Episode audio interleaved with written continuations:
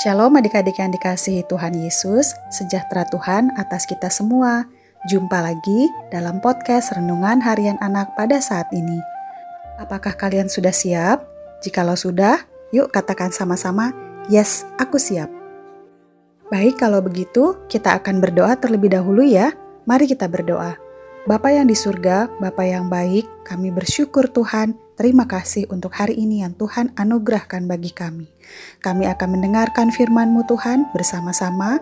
Tolong kami agar kami dapat mendengarkan dengan baik dan dimampukan oleh roh Tuhan yang kudus untuk melakukannya dalam hidup kami setiap hari. Terima kasih Bapa, hanya di dalam nama Tuhan Yesus kami berdoa. Amin. Firman Tuhan hari ini akan kita dengarkan dari Kisah Para Rasul 2 ayat 41 sampai 47. Kisah Para Rasul 2 ayat 41 sampai 47 Tante akan menuturkannya untuk kita semua. Beginilah firman Tuhan. Cara hidup jemaat yang pertama.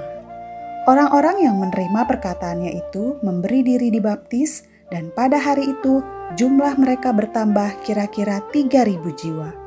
Mereka bertekun dalam pengajaran rasul-rasul dan dalam persekutuan, dan mereka selalu berkumpul untuk memecahkan roti dan berdoa.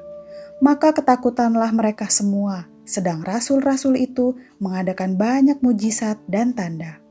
Dan semua orang yang telah menjadi percaya tetap bersatu, dan segala kepunyaan mereka adalah kepunyaan bersama dan selalu ada dari mereka yang menjual harta miliknya lalu membagi-bagikannya kepada semua orang sesuai dengan keperluan masing-masing.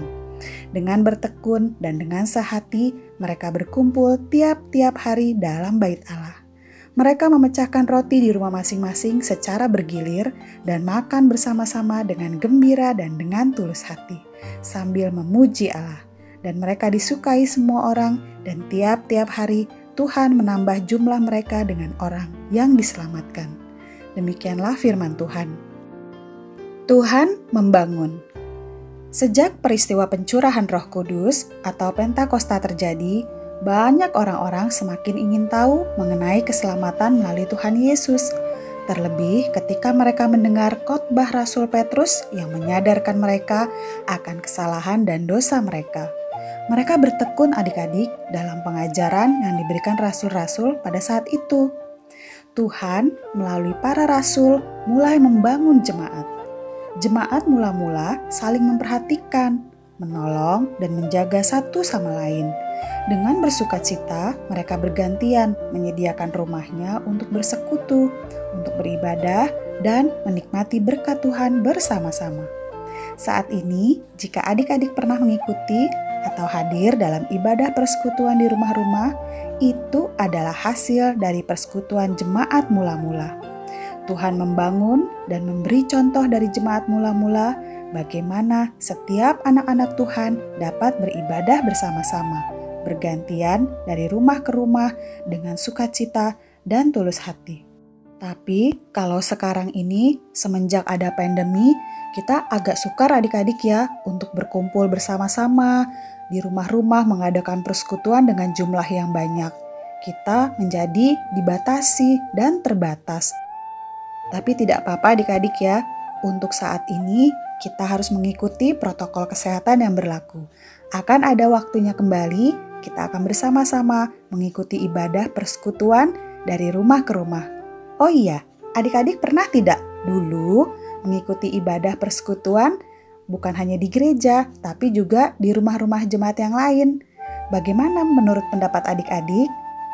Pasti berkesan ya, karena bersekutu bersama-sama dengan teman-teman yang lain, jemaat yang lain, kita dapat bersuka cita di dalam Tuhan.